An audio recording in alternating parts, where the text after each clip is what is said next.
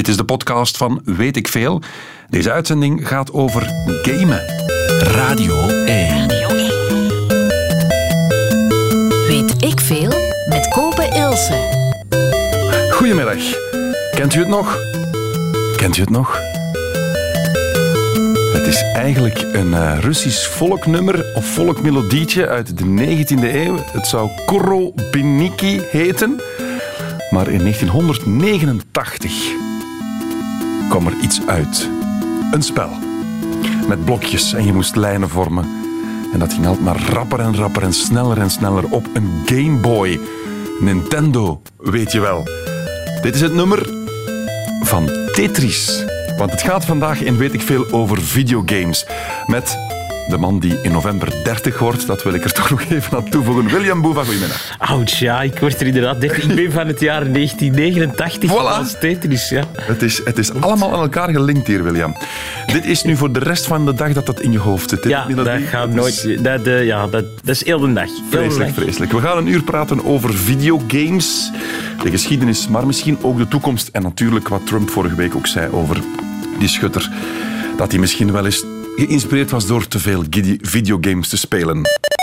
En we doen een kleine quiz. Uit welke game komt dit, William? Mortal Kombat. Yes. nu, nu, nu.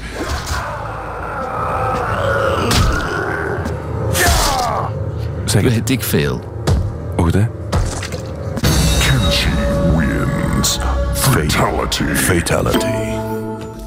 Mortal Kombat. Begin jaren 90, de eerste versie, zoiets. dat denk ik wel, ja. ja op de Super? Nintendo. Ja, nu hadden er wel iets uit te komen.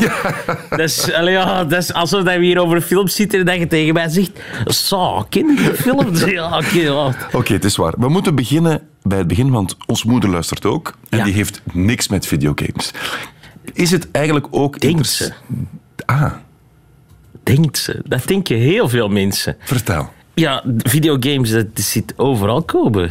Ja, als je, het niet, als je die Nintendo of die PC niet aanzet, speel je ze niet, hè? Mm, dat is niet waar, hè. Als je op je Facebook zit en je zit daar Candy Crush te spelen. Dat is een videogame, hè, Kobe? Juist. En tegenwoordig Of op de gsm, smartphone. Ja, ja, ja, De ja, ja. wc. Ja, ook heel veel oudere mensen spelen heel veel jij op het toilet? Ja, op mijn gsm. Dan speelde Angry Birds of zo. Of, of Candy Crush, of weet ik veel. Hè. Zo van die Ja. Farmville-spelletjes. Dat is, dat is allemaal gamen, hè? Het is waar. Dus Tetris is ook gamen, hè. Blokken. Op het langslopende programma op de VRT, denk ik momenteel. Blokken. Dat zijn videogames. zou dat niet thuis zijn? Of thuis misschien, ja, dat kan. Oh, het tweede land. Het journaal. Het- ja, dat is misschien ook... Ja, oké. Ik ben hier onzin aan het uitkramen. Maar blokken zijn ook videogames. Ehm, William, laat ons beginnen bij het begin. En dit was, als ik het goed heb, het prille begin.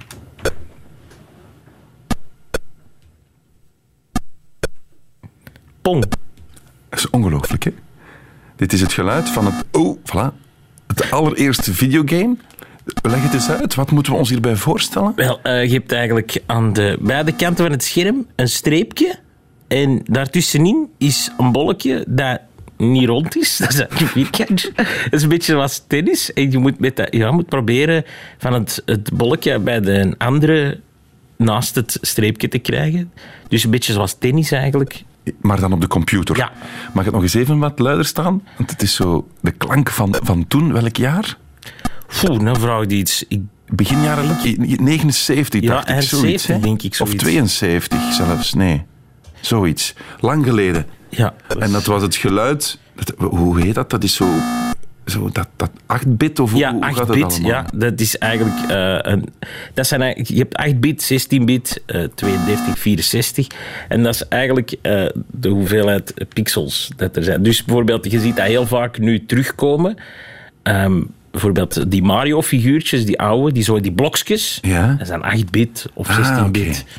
Dus hoe meer bit, hoe mooier het ook is. Ja, Want ja, Pong is wel. twee keer niks. hè. Dat zijn inderdaad Oh, twee nee, dat is- streepjes die je op en neer beweegt. Puntje, eh, blokjes hè, allemaal, die dat bewegen. Dat, ja, dat is eigenlijk echt de basis. Hè. Wat dat je nu ziet in videogames is, is ja, dat maal een paar miljoen. Ja, snap je? ja, ja. Da- daarom ziet dat er zo fijn uit en, en zo mooi. Maar Waarom in is principe dat- is, het hetzelfde. Waarom is dat in der tijd uitgevonden? Want ik kan mij voorstellen, eind jaren 70, computers komen op. Vooral denk ik in universiteiten om dingen te berekenen, lijkt mij. Onder andere, ja. Is het dan ook berekeningen. daar begonnen dat, dat die slimme ingenieurs dachten van hé, hey, maar wacht eens. We kunnen een programma schrijven om dingen te berekenen, maar misschien ook een programma schrijven om ons te amuseren. Ah, wel ja, het is een beetje dezelfde vraag. Waarom is voetbal uitgevonden? Om je te amuseren. Dus die Ja. mannen zaten achter hun computer en die dachten, ja, oké, we kunnen hier programmeren, we kunnen berekeningen maken, maar ik wil me ook eens even amuseren, eens zien wat hier nog mee kan. Laat ons een beetje experimenteren.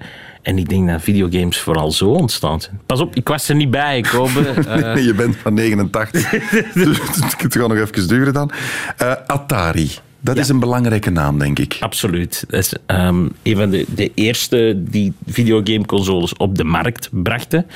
Ehm, die zagen er helemaal niet uit gelijk dat de console er nu eigenlijk uitziet. Eh, die zagen er een beetje uit. Eh, Conan O'Brien zei ooit, eh, ja, vandaag spelen we op een barbecue. Zo ziet er wat uit. Dat is zo, ziet er wat uit als de grill eigenlijk. En ik denk dat het daarmee eigenlijk echt in een, een soort stroomversnelling is geraakt. Dus een, Dit is nu 75, hè, Pong. En dan, blijkbaar, eind 70, begin 80, tweede generatie. Het werd allemaal al, wat gesofisticeerder. Want dit is geluid van de Atari. Ook weer Atari, maar de 2600. We schuiven op.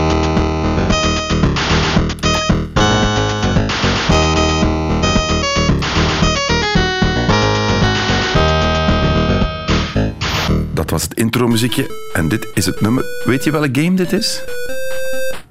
Ik ben niet zo thuis in de Atari-wereld, maar ik, ik heb een vermoeden dat het eh, Prince of Persia is. Nee, Double Dragon. Double Dragon, ah, Dragon. ja. Dat is al een groot verschil met, kijk, dit is, dit is die Pong. Dat was de eerste Ja. generatie. En dan wat we daarnet hoorden was het nieuwe. Dus er zit wel progressie in. We zitten begin jaren 80. Ja, klopt. Daar ontploft het dan helemaal? Ja, daar ontploft het echt wel. De, ehm, je had natuurlijk ook nog ZX Spectrum en, en heel veel consorten. Maar de Atari 2600 is, is wel, denk ik, een van de grootste consoles geweest. Eh, ook een beetje een legendarische console. Eh, je hebt daar onder andere het eh E.T.-verhaal. Ik weet niet of dat je dat kent. Nee. Ehm, dat is eigenlijk een, een legende die heel lang in de videogamewereld heeft geleefd. Er is een spel uitgekomen van E.T. op de Atari. Maar dat was zo verschrikkelijk slecht dat dat niet verkocht raakte. En de producent heeft in de woestijn van Arizona, naar het schijnt, zijn overtollige stok gewoon daar gegooid en begraven. En er is een paar jaar geleden een man dat gaan onderzoeken van is dat nu echt zo? Want dat, dat verhaal leefde al jaren in de videogamewereld. En dat blijkt effectief zo te zijn. Ergens in de woestijn ligt de put met ja, 50.000 IT-cassettes. was, was dat omdat er gewoon geen markt voor was op dat moment? Of nee? Net gewoon echt een heel slecht spel was. Want het, was, want het is nu een miljardenbusiness. Dat Ja. was het toen ook al. Het- of was ja, dat, niche? ja, dat wel. Het, het is altijd wel een grote sector geweest. Pas op, het is nu nog duizenden keren groter dan toen. Ja. Maar videogames waren toen al wereldwijd. Hè? En dan schuiven we op richting eind jaren 80. En nu komen ook mijn actieve herinneringen boven. Ah. Oh, deze. Ken je het nog? Dat is een favoriete loodgieter. De favoriete. Dit is eh, Super Mario Bros. Klopt, ja. Eind jaren 80. Blijft toch nog altijd, als je dat nu terug hoort. Toen als kind vond ik dat magisch. Maar als je dat nu als volwassene terug... Het is poepsimpele dingen nog altijd. Het is geen mooie muziek. Hè. Dit is een soort melodie, Ja, digitaal. maar het is wel catchy. En Ja. het, is, het is wat er op die moment mogelijk was met de, met de audiochip die in de console zat. En ja, als je daar zoiets uit kunt persen, dat heel de wereld kent, dan is dat toch fantastisch. Absoluut, absoluut. Hoe groot was het belang van Nintendo? Want dat is denk ik op dat moment de nieuwe marktleider. Atari verdwijnt. Ja. En daar is Nintendo. Hoe belangrijk zijn zij geweest? Wel, je had op dat moment had je Nintendo en, en Sega. Dat waren eigenlijk de, de twee grote. Ehm, en Nintendo... Ja, Nintendo is nog altijd waanzinnig belangrijk. Terwijl dat Sega een beetje ja, wat verloren is gegaan. ehm, zoals Atari. Maar Nintendo heeft onder andere Super Mario op de markt gebracht. Een figuurtje dat wereldwijd bekend is. Dat nog altijd ongelooflijk populair is. Eh, Ja. Ik denk niet dat we de waarde daarvan kunnen onderschatten. Eh, het zit hem denk ik ook een beetje in, in- het gevoel bij Nintendo. Dat ze nog altijd vast hebben die videogames. die voelen en die zien er eigenlijk nog altijd hetzelfde uit als hun games nu. Nintendo is nooit voorstander geweest van de... Die zijn nooit de grote... ehm, hoe moet, ik het zeggen? De, de graphics, hoe het eruit Hoe het ziet. eruit ziet, ja. Daar zijn die nooit zo per se top of the line in geweest, maar wel altijd gameplay. Hun spellen zijn leuk, hun spellen zijn tof om te spelen. En kinderlijk eenvoudig ook, hè? Heel vaak wel. Pas op, die hebben ook... hebben ook bedoel, het is Japan. Hè, er Ja. zitten ook heel veel games bij met, met robots en, en met ja. ingewikkelde controls. Maar ze, zullen, ze zijn altijd anders dan, dan de games van, van pakweg een Playstation of een Xbox nu. Oké, oké. Eh, we blijven opschuiven, want einde verhaal Mario. En dan quizje. Deze is ze. 4,95. Ik heb hem ook nog gespeeld. Revolutionair. Ineens speelde je met een jonge dame met een goed voorziene boezem. Tomb Raider, Tomb Raider. Lara Croft. Lara Amai, Croft. Dat zat, zat ver bij mij. eh. Dat is toch ook het eerste personage dat dan nadien in films begon op te duiken, Lara Ja. Croft. Het, het werd wel wat, hè? Ja, dat klopt. Het is ook eigenlijk, eh, je zegt het, we zijn 94, 95 en we hebben een vrouw als hoofdpersonage, als heldin. Ja. En niet zomaar een heldin. Ze, het is een Tomb Raider, dus ze, ze gaat schatten zoeken. Eh, het is een beetje Indiana Jones, maar dan de vrouwelijke vers. In Ja. die tijd, revolutionair. En wat weinig mensen weten is, daarvoor had Nintendo al eh, Metroid waar, waarin dat je een soort eh, robotachtige figuur speelde.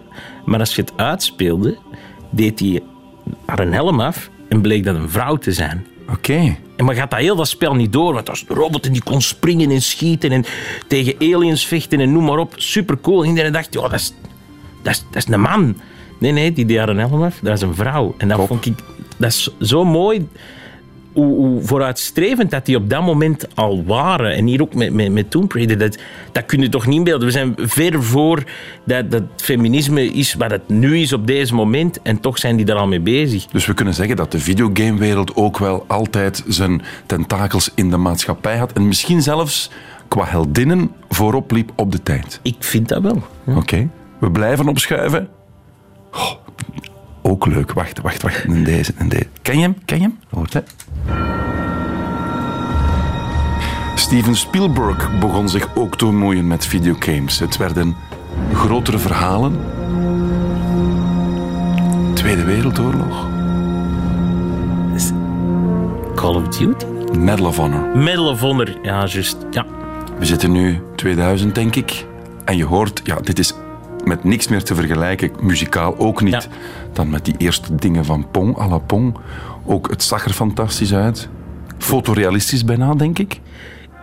Toen wel. Als je daar nu naar gaat kijken, kopen, dan is dat, is dat heel verouderd. Maar in je hoofd is dat wel nog altijd... Wauw, dat ziet er ongelooflijk uit. En dat is een beetje... eh, iets wat, wat ik nu heel belangrijk vind, is... is eh, je je ziet heel vaak, als je... De eerste 3D-games eh, op de, de PlayStation 1, eh, bijvoorbeeld op, op de PC, die overgang van 16-bit of, of, of 32 of naar 3D echt, dat veroudert heel slecht eigenlijk. Tegenover als je naar die oude Super Nintendo games of de Sega Mega Drive games gaat kijken, die zijn heel leuk verouderd, omdat dat ziet er nog altijd hetzelfde uit. Daar deden die graphics er niet toe. En bij deze games is dat, is dat wel al zo. Oké, goed. Dan gaan we nog afsluiten en we gaan er ook gewoon naar luisteren, want tegenwoordig wordt muziek echt geschreven voor een game, namelijk deze. Dit is de muziek van God of War Ja, van twee jaar geleden. ja. En die gaan we gewoon even... game trouwens. Voilà, die gaan we gewoon even laten staan. Om maar te zeggen, we komen van ver met die games.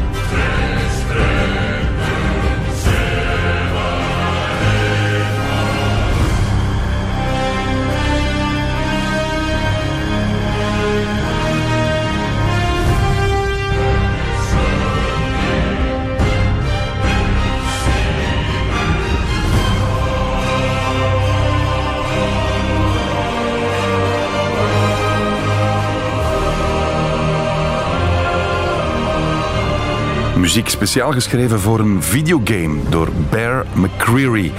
En het game heet God of War. Daar gaat het vandaag over en weet ik veel. Over videogames. Dave Jong speelde mee in de duo-ronde, waarin teams van twee het tegen elkaar opnemen. Samen met zijn 15-jarige teamgenoot uit Groot-Brittannië versloeg hij bijna iedereen. Ja, ik was er heel rustig onder eigenlijk, eerlijk gezegd. Ik had al verwacht dat het top 10 was. Maar ja, top 2 is veel beter. Met hun tweede plek winnen Dave en zijn teamgenoot ruim 2 miljoen euro. Wat hij gaat doen nu hij miljonair is, dat weet hij nog niet. Daar moet ik naar kijken. Dat ga ik gewoon met mensen doen die daar verstand van hebben. En dan eh, zie ik het wel. Ongelooflijk. Overlaatst, niet zo heel lang geleden, het WK Fortnite. Want het gaat over videogames. We hebben al, we hebben al geleerd van William dat het allemaal begon eind jaren 70 met iets heel simpels. Twee gewone, eh, ja, hoe moet je het eh, omschrijven? Lijntjes die dit doen en een balletje dat daartussen, je hoort het op de achtergrond, pong. En we zijn dus geëvolueerd op dit moment naar Fortnite, wat het game van het moment is. Ehm, ja, maar dan moet ik even kaderen. Je hebt een verschil tussen videogames en e-sports. En Fortnite, ik moet het zo stellen. ehm, alle e-sports zijn ook videogames, maar niet alle videogames zijn ook e-sports. Verklaar. Ehm, een videogame is een, een, een game gewoon. En als die competitief te spelen is onder elkaar, online, offline, dus op het internet of niet, Ja. als je daar toernooien mee kunt spelen en als daar genoeg mensen interesse in hebben, dan wordt het een e-sports. Ah. En dan wordt het eigenlijk een beetje een sport. Hoe, hoe, met wat kun je dat vergelijken? Je hebt heel veel sporten, maar niet alle sporten zijn zo groot als voetbal bijvoorbeeld. Of worden in competitie gespeeld? Ja, of worden echt in competitie gespeeld. Ah, ja, ja, oké.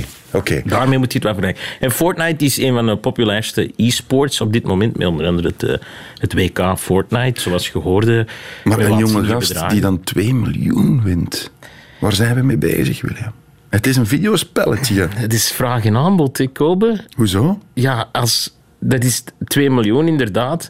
Maar dat komt ergens vandaan. Als het niet rondging in die sector... En voor de sector videogaming en e-sports zijn dat zelfs niet echt waanzinnig grote bedragen. Pas op, dit is een hele grote prijzenpot, daar niet van. Maar dat wil zeggen dat het mogelijk is. Die prijzenpot is niet te winnen als het niet haalbaar zou zijn voor, Ja, ja. voor de organisaties om zo'n prijzenpot te verdelen. Dus het wereldkampioenschap Candy Crush bijvoorbeeld gaat geen 2 miljoen. Dat denk ik niet. Eh, ik, denk, ik weet ook niet of er echt een er wereldkampioenschap Candy Crush... Ik vermoed van wel. Dat wel ja, je hebt wel... Ja, dat is het leuke aan de, de videogame sector is dingen ontwikkelen zich. Ehm, je hebt bijvoorbeeld eh, speedrunners. Dat zijn eh, mensen die zo snel mogelijk een videogame uitspelen. Ah ja. En dat heeft zich ook ontwikkeld. Die hebben een hele community, een, een hele gemeenschap opgericht van ja, mensen die dan... Die kiezen één game uit, ik zeg maar iets, ehm, ehm, Super Mario. En dan probeer je dat zo snel mogelijk uit te spelen. Maar dat gaat echt over tiendes van een seconde. En op den duur kennen die die game zo van buiten dat die zelfs geblinddoekt die kunnen uitspelen en zo. Dus ja, voor, er zal vast wel een WK Candy Crush Zijn dat bestaan. niet gewoon mensen met tijd te veel? Want gamen zit toch nog altijd bij mij een beetje in de schuif van... Ik verveel mij, ik ga een spelletje spelen. Ja, maar wat is nu het verschil komen als je zegt een profvoetballer en die kan die een bal 2000 keer op zijn voet omhoog houden? Is dat niet gewoon iemand die tijd Ja, maar dat is nog wel een fysieke activiteit. Je bent sport aan het doen, dat is gezond. Ja, maar wat Gamen vind jij, vind jij schaken een sport? Dat is denksport. Ja, oké, ik snap wat je waar naartoe wil. Het is Dat tactisch, wil je zeggen. Ah, maar ja, als je, ik wil iets met u, een, een game spelen tegen elkaar. Ik zeg maar iets, Fortnite of Counter-Strike of noem maar op. En we gaan eens aan, na een uur gaan we eens zien hoe dat, dat- hoe dat, dat voelt. Je bent, je bent hetzelfde aan het doen. Je bent aan het nadenken. Je bent ermee bezig. Die reactietijden, dat gaat over, over honderdste van secondes die het verschil maken tussen de prijzenpot van 1000 euro of een van 50.000 euro. Of Zeg je nu tegen al die ongeruste ouders die, die hun kinderen tijdens prachtige zomerdagen meer zien gamen dan buiten spelen van omarm dat, want dat is eigenlijk ook een soort van denksport. Ja, en ik zeg vooral tegen die ouders: ga erbij zitten. Doe eens mee. Weet waar je kind mee bezig is. Ik denk dat dat het allerbelangrijkste is. Dat je, dat je, la- laat die niet alleen daarin. Ga er eens bij zitten. Doe eens een keer mee. Hij of zij gaat dat tof vinden. jij als ouder gaat dat tof vinden en je weet waar je kind mee bezig is en je gaat het snappen, gaat begrijpen. En onthoud gewoon dat te nooit goed is. Als je kind een hele dag buiten aan het voetballen is of alleen maar leest in zijn boeken, dat is ook niet goed. De te is nooit goed. Dus probeer het wat in te perken, maar zie het wel als, ja, er zit wel iets in. Je leert er wel dingen van. Want ik las nog in de standaard afgelopen weekend journaliste Valerie Droeven die zegt: Potverdikke, mijn zoon van elf is meer met Fortnite bezig dan met iets anders. Ik heb schrik dat hij verslaafd is. En verslavingen zijn toch nooit goed, hè? Ah, wel, dat is het hem juist. Verslavingen zijn nooit goed. Niks is goed als je er verslaafd aan bent. Ook niet sporten. Nee, maar die games zijn toch zo gemaakt dat. dat en het moet altijd maar hoger, high scores en, en beter. Nee? Ja, maar dat is toch ouderwets, het kan, hè? Het Dat kan. is toch met alles in het leven zo komen? Ja. Dus we mogen niet onze focus leggen op die games als zijnde dat zijn gevaarlijke dingen, want onze jeugd is verslaafd. Ik vind dat niet. Ik bedoel, ik ben ermee bezig sinds mijn vijf jaar. En voor zover ik weet ben ik nog nooit ergens eh, mensen gaan neerschieten op een school bijvoorbeeld. Nee. Dat, is, dat is gewoon... Ik vind dat bullshit. Dat, dat, is niet zo. Je kunt dat met alles zien. Ik, ik heb eens een documentaire gezien en daarin vergeleken ze videogames met de boekdrukkunst. En eigenlijk, videogames zijn gewoon het nieuwste medium. En als je die twee zou wisselen in de tijd, dus dat boekdrukkunst het nieuwste medium zou zijn, zouden ze dezelfde argumenten aanhalen. Zouden ze zeggen, ja, onze kinderen zitten alleen maar thuis binnen, voorovergebogen, in die boeken te zien met die kleine lettertjes, dat is slecht voor hun ogen. En de verhalen dat daarin staan komen, dat is verschrikkelijk. En die, die hun brein begint die fantasie er nog bij te nemen, dus die, die zien de meest gruwelijke dingen dat er zijn. Ja, dat is hetzelfde als met videogames, hè. Dat is wel een interessante. Ja. En ze, ze, ze komen niet buiten en ze spelen niet met hun vriendjes. Ze zitten altijd alleen, hè. Terwijl dat we nu zeggen, lees eens een boek. Ah ja. Ja, dat is waar. Eh, omdat je het nu toch hebt over dat geweld, dit zei Trump vorige week. It is too easy today for troubled youth to surround themselves with a culture that celebrates violence. We must stop or substantially reduce this, and it has to begin immediately. Ja, naar aanleiding van die eh, schietpartij natuurlijk vorige week. Wat zegt hij dan? Het is te gemakkelijk voor jongeren om zich te omringen of, of zich te verdiepen in een sfeer van geweld. Ja. Hij zegt niet letterlijk videogames, maar ja, bon. Ja, hij bedoelt het natuurlijk Hij zal wel ook weer. dus de, de, de film en, en de gaming-industrie zal, werd wel geviseerd. Ja, dat, ik, vind dat, ik vind dat bullshit. Dat is wat ik er juist zei. Ja. Als ouder zet u bij uw kind. Natuurlijk kan dat een invloed hebben, absoluut. Net zoals als je een gewelddadige film ziet, dat dat een invloed kan hebben. Of een gewelddadig boek leest. Of, of, of in muziekteksten heel veel geweld hoort. Maar dat wil niet zeggen dat het dat gaat doen. Het gezond verstand primeert nog altijd. En er zijn ook heel veel games waar het niet om het geweld draait. En daar wordt gewoon niet naar gekeken. Snap je? Het is een beetje... Het zeggen dat videogames gewelddadig zijn, is hetzelfde als zeggen dat alle films horrorfilms zijn. Dat is gewoon niet waar. Er zijn ook romantische comedies, er zijn, er zijn eh, arthouse films, noem maar op. Dat is bij videogames ook zo. Er is zoveel aanbod. Je hoeft niet alleen voor gewelddadige games te gaan. Dat hoeft absoluut niet. Nee, maar als ik dan even een advocaat van de duivel mag zijn, je hebt games à la Grand Theft Auto, denk ik. Dat je loopt rond in een stad, je mag iedereen afkloppen die je ziet. Je, je steelt wagens, je rijdt daar mensen mee omver. Ja, maar als je Maar dat doet... niet echt een stichtend voorbeeld voor Nee, iemand van maar als tien. je dat doet, je raakt ook in de miserie. Hè? Als je in Grand Theft Auto een auto steelt, krijg je de politie achter je aan. En je kunt ervan, kunt ervan vluchten zoveel dat je wilt, maar Ja. dat wordt meer en meer en meer. En op den duur kun je niet meer. Dus ja, het, is natuurlijk, het, het stond ook in de standaard dit weekend. Er is wetenschappelijk geen, link, geen enkele link vastgelegd tussen agressie en game. Dus je hebt onge- ongetwijfeld gelijk, maar ik begrijp wel dat er door volwassenen gekeken wordt naar die industrie. We zien soms beelden, zoals Mortal Kombat of Ja. Bully heb je zo'n spel dat je Dat mensen uit angst komen. We zijn altijd bang als mens van het nieuwe. Dat is de xenofobie die in elke mens zit. Mhm. Dat zit in alles in ons leven. We zijn bang van iets nieuws dat we nog niet helemaal goed kennen. En om Grand Theft Auto aan te halen, hè, er is nu een, ehm, een, een, een nieuwe versie van Grand Theft Auto, waarbij het de bedoeling is, spelers kunnen dan online met elkaar spelen. Dus de, de mensen die je tegenkomt in het spel zijn andere echte mensen. En eh dat is een soort roleplaying. En het is eigenlijk de bedoeling dat je je geld in dat spel verdient op legale manieren.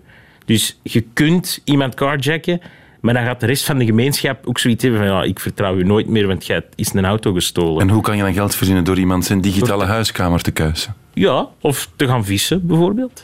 Maar enfin, Ja. ga En- gewoon vissen. Ja, maar- ja, dat kun je ook Het doen. is goed weer. Gewoon vissen. Ja, maar als je geen boot hebt, of je, kun- of je kunt niet fysiek buiten op die moment. Dat begrijp ik. Dat is waar. Even iets geven. Deze. Leuk. Voilà. Eindelijk mijn eigen game. Damn, die pixels staan mij goed. Vertel eens, dat was Catnet? Ja, klopt. Eh, ik had een programma op Kidnet over videogames. eh Bova in the Games heet. Ja. En eh, daarin heb ik ehm, een beetje een, een, het verhaal gevolgd van hoe een videogame gemaakt wordt. Dat zat er onder andere in. Eigenlijk was heel het opzet van het programma was voor mij... Ik wou een soort handleiding creëren voor ouders. Omdat je heel vaak hoort van ah, die videogames, hoe zit dat nu eigenlijk? En eigenlijk heb je twee soorten ouders. Je hebt ouders die ermee zijn opgegroeid en ouders die er niet mee zijn opgegroeid. Diegenen die ermee zijn opgegroeid, die gaan hun plan wel trekken, geen probleem. Maar degenen die er niet mee- mee zijn opgegroeid, die hebben twee reacties. Ofwel, je mocht alles spelen, ofwel, je mocht niks spelen. En geen van die twee is goed. Dus wou ik een soort handleiding creëren van ja, kijk, eh, hier zijn een aantal games die zeer geschikt zijn voor kinderen. Zet u daarbij, ehm, speel mee. Ik, ik geef er u hier een aantal. Als je dat niet wilt doen, kun je ze zeker die laten spelen. Ja, ja, ja, oké. En dat, dat vond ik heel belangrijk. En onder andere zat daar ook in... Ja, heel veel kinderen zijn geïnteresseerd in videogames. Waarom gaan we eens niet kijken, hoe wordt dat nu eigenlijk gemaakt? Hoe, Ja. hoe zit dat in elkaar? Want dat ontstaat vanuit een idee, maar ja, dan moet dat, moet dat geprogrammeerd worden, dat moet getekend worden, dat moet geboetseerd Daar worden. wil ik graag op doorgaan, maar eerst even, omdat we daarnet bezig waren over die uitspraak van Trump over die schietpartij. Ja. Eh, hij wees naar de game-industrie. Eh, ook een sms van Mirjam. Tijdens de Golfoorlog moesten de soldaten naar videogames kijken voor ze ten strijde trokken om ze in de juiste mood te brengen. Dat zegt genoeg, toch? Dat is toch... Nee? Ik, ik- kun je mij dat aantonen? Want daar geloof ik heel weinig van. En dan heb jij ook nog daarnet de vergelijking gemaakt met ehm, de boekdrukkunst en de Ja. game. Stel dat we dat omwisselen. Wel, ehm, Maar zo, wat dat hij dan hier, over dat is gamen... eh, Olga Leijers die mij dan een, een spraakbericht stuurt. een beetje geërgerd. Wacht, hè. Maar zo, wat dat hij dan zegt over gamen en boeken... Op de manier dat hij het vertelt, zet er zo altijd even mee dat je zo denkt van, ah ja... Voilà, het is een eh, uitgebreid bericht. En ze gaat niet akkoord, want boeken lezen kan je ook gewoon buiten doen. Videogames heeft- spelen kan je ook gewoon Ja, en buiten het heeft toch het een heeft niks met het ander te maken, zegt ze. Ja, maar wat heeft het er daar niet mee te maken? Dan gaat je ervan uit dat we weer spreken over games als Mortal Kombat. Iets gewelddadigs. Ja, bijvoorbeeld. Ik neem nu Mortal Kombat als voorbeeld. En dan kun je zeggen, ja, dat is gewoon op elkaar slagen tot een andere zogezegd dood is. Dat klopt, maar er zijn twee argumenten. Eén, je hebt een PEGI-rating. Een PEGI-rating staat op elke videogame, is verplicht. En er staat op voor welke leeftijd het is. Als daarop staat PEGI 18, Oké. moet je dat eigenlijk niet aan je kinderen geven. Dat is je eigen verantwoordelijkheid om dat te doen. En zelfs al doet je dat, daar gaat het niet mee mislopen. Ik bedoel, in mijn tijd, mijn ouders keken daar ook niet zo echt heel erg naar. Maar ja, het was natuurlijk een andere tijd. Het zag er iets minder visueel uit als nu. Maar nog één argument en dan stoppen we met die kritische blik op die games, want daar hebben we nu tijd genoeg aan, aan gespendeerd. Ik kan me wel voorstellen, als je een boek leest van een genie à la Shakespeare of eender wie, Ja. dan kruip je wel in een geniaal brein en lees je briljante dingen. Ja. Een videogame, zet jij dat op dezelfde hoogte qua genialiteit bij momenten? Absoluut. Echt? Absoluut. Jazeker. Dus je gaat mee in diezelfde geniale trip? te kopen, Nee. maar er zijn videogames waarbij het verhaal zo vernuftig ineen zit, waar het totaal niet draait om wat dat je doet. Ik ben nu een game aan het spelen, die heet Detroit Become Human. En dat gaat eigenlijk over eh, wat als er robots in onze gemeenschap zijn die eruit zien als mensen, androïden. Ja. Wat dan? Wat gaat er dan gebeuren? We zitten met AI, dus artificial intelligence. Die robots zijn geprogrammeerd om te luisteren naar de mens. Maar wat als jij je robot nu altijd mishandelt? Als jij die slaagt? Wat als uw robot uw kinderen ziet slagen? Wat dan? Wat als die robot Een vraag, beste William, waar ik nog nooit over heb nagedacht. Ja, wel, maar dat zit in die videogame. Dat is toch dat is briljant, Kobe. Dat, dat, dat, dat is de, de beste science fiction die er is. Ja. En jij zit er middenin en jij beslist mee hoe het verhaal loopt. Als je dat niet op hetzelfde niveau als een boek kunt zetten, wat dan wel? Oké, goed. Bij deze rechtgezet, laat ons beginnen bij het begin, want je zei het er net al, een game ontwikkelen. Ja, Bijvoorbeeld ons moeder heeft nog nooit, denk ik, of en jij zegt wel, waarschijnlijk wel ooit al een game gespeeld, maar heeft zij enig benul van het, hoeveel werk en hoeveel mensen erachter zitten? Dat denk ik niet. Ik denk niet dat ze daar een idee van heeft. Vertel, hoe, hoe komt zoiets tot stand? Want bijvoorbeeld een, een Angry Birds of een Candy Crush, dat lijkt mij poepsimpel.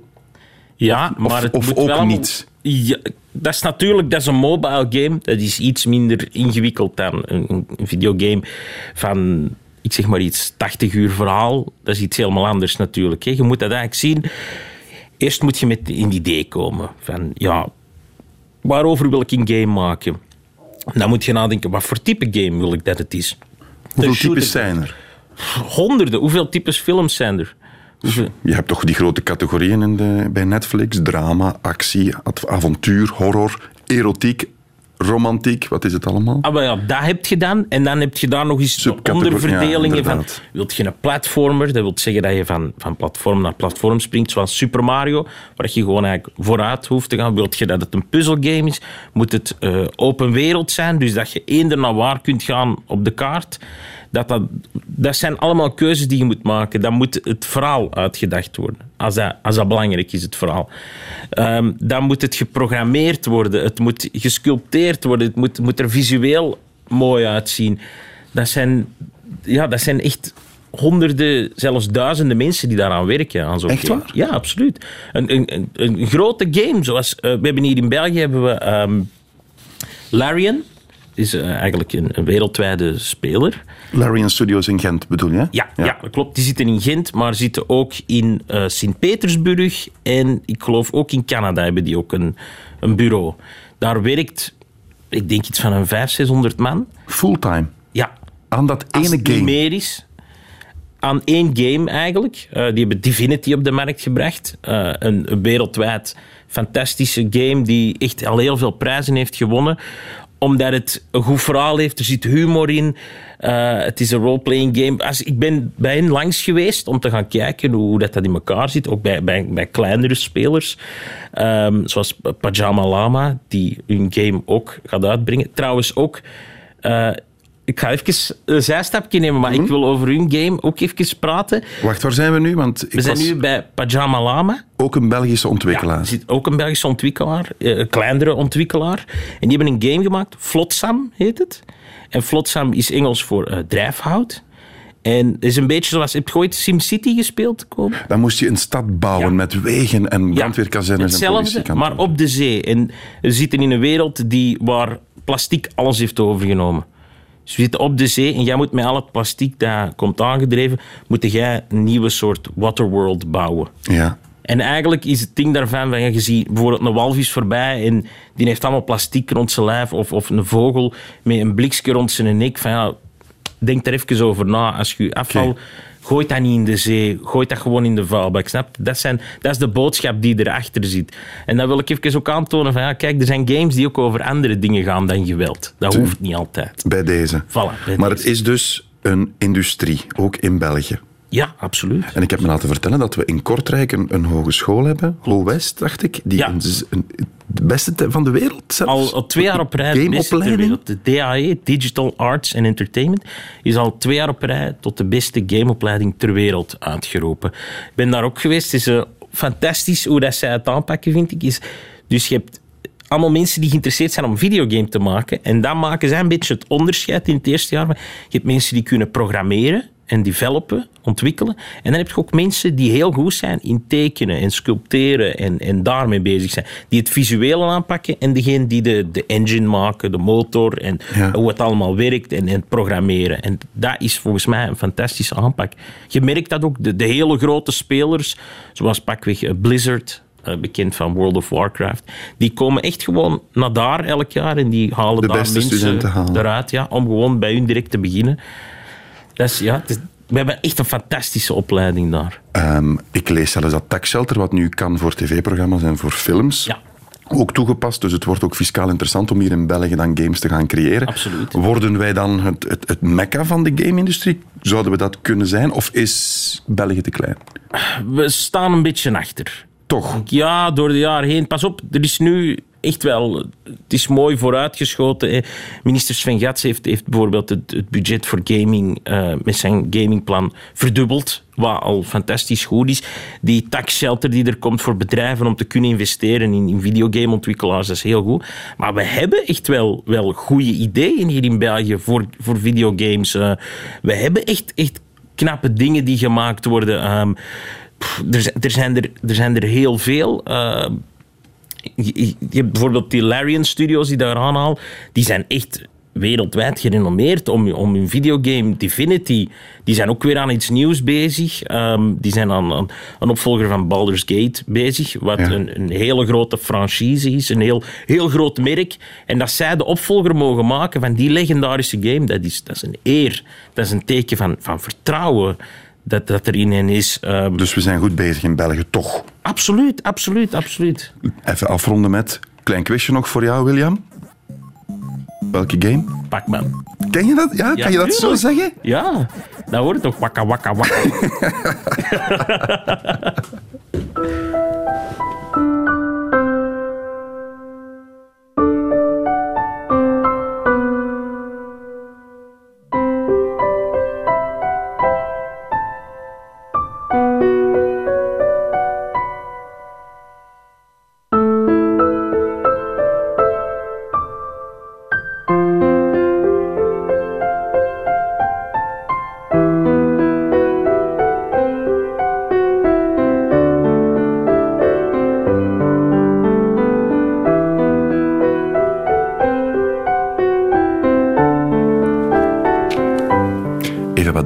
bij dit mooie stukje pianomuziek. William Boeva, je had dit aangevraagd. Vertel. Ja, dit is het, eh, het, de teamsong van eh, Final Fantasy X. En ik vind dat een van de mooiste muziekstukken die ooit eh, in videogames gezeten hebben of voor gemaakt zijn. Hoe spreek ik het uit? Zanarkand? Ja, To Xanarkand. To Zanarkand. Dat is een plek in het spel. Ja, dat is ehm, eigenlijk dat is, ja, ehm, een magische plek in het spel. Het gaat over een, een jonge man die heel goed is in een sport. Oké. Ehm, een beetje vergelijkbaar met een soort voetbal, maar onder water. En eh, hij is eigenlijk altijd... Zijn vader was, was een topsporter daarin, was daar de top van de wereld in. Ja. En zijn vader heeft hem altijd zo wat ja, vernederd en opzij gezet en een beetje eh, genegeerd. En op een bepaald moment komt hij ineens in een andere wereld. Hij weet niet hoe, maar alles in die wereld linkt naar zijn vader. En op een bepaald moment komt hem in zijn erkend. En dat is waar hij in zijn originele wereld van komt. Dat is de hoofdstad. En hij komt daar terug en heel die stad is, is, is verdwenen. Die is helemaal in ruïnes en hij weet niet waar het hem is. En dat zo'n mooi moment, omdat je voelt hem dichter bij zijn vader komen, die hem uit een ander universum of uit het hiernamaals, wie weet, hem aan het helpen is in zijn zoektocht. Je hebt nu heel het nummer volgebabbeld, William.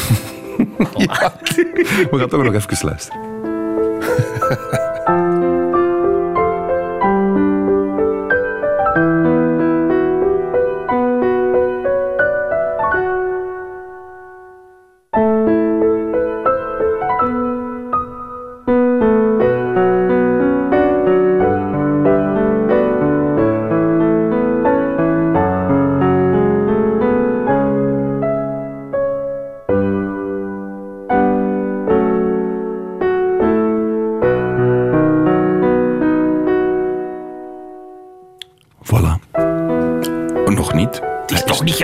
komen?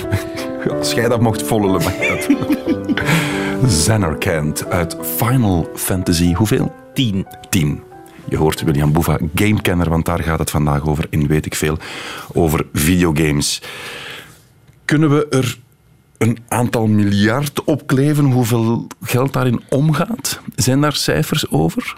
Daar zijn wel cijfers over, maar ja, die veranderen natuurlijk constant. En eh, die ken je ook niet van buiten. Maar de videogame-industrie is groter dan de film- en de muzieksector tezamen. Wat blieft? Ja, dat is waanzinnig. Dus de muziekindustrie en de filmindustrie samen is nog niet groter of is kleiner, Is kleiner dan de game-industrie. De videogame-industrie, ja.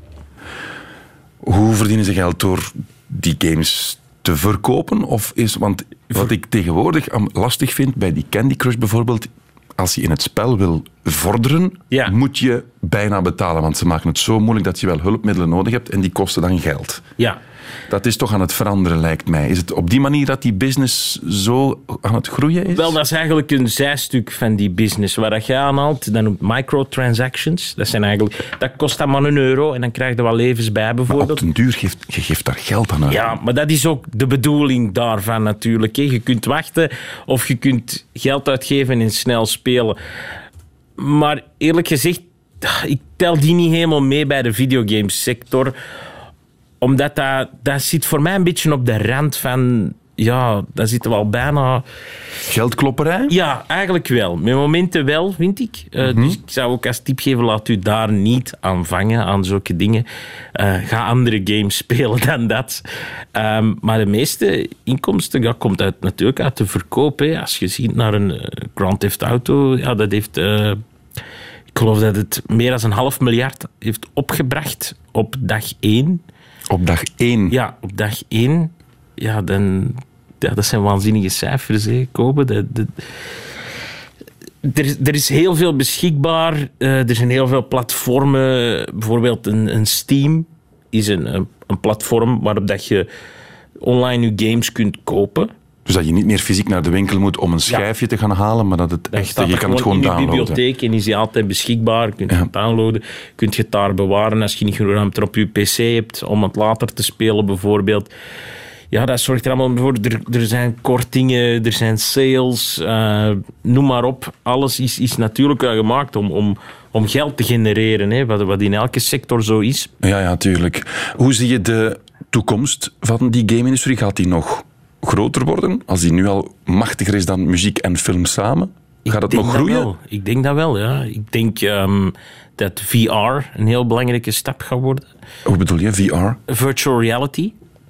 Oké. Dat is ook heel belangrijk voor de, de gaming-industrie. Dus die brillen tegenwoordig, dat je echt rondloopt in... Dan loop je in echt rond in een en je kan rondkijken en dat. Dat is de volgende grote stap, zeg je.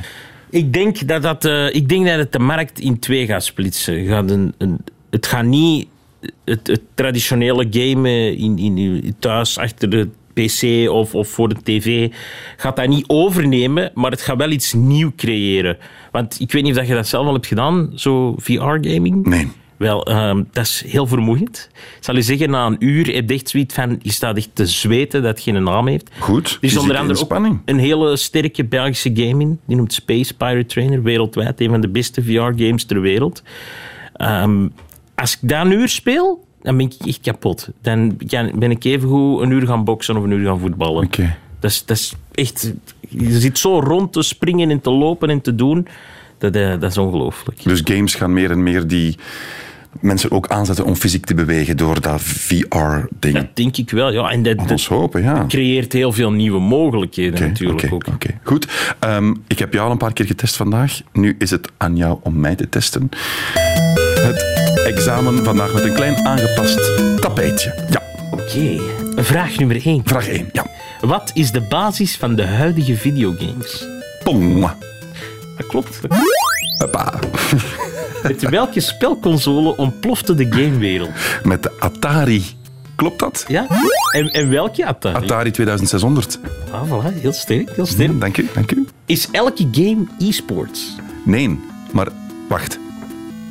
Elke e-sport is een game, maar niet elk game is een e-sports. Helemaal juist, helemaal Ik juist. zeg drie op drie al. Nog 20 seconden, William. Hoeveel mensen werken er aan een grote game? Een, een honderdtal, misschien wel duizend, heb je gezegd. 500, 600, zoiets? Ja. Maar jongens, toch. Een laatste? Wat is Flotsam? Dat weet ik niet meer. Dat ik vergeten. Doe me. Radio 1. Weet ik veel? Dit is het einde van deze podcast van Weet ik Veel.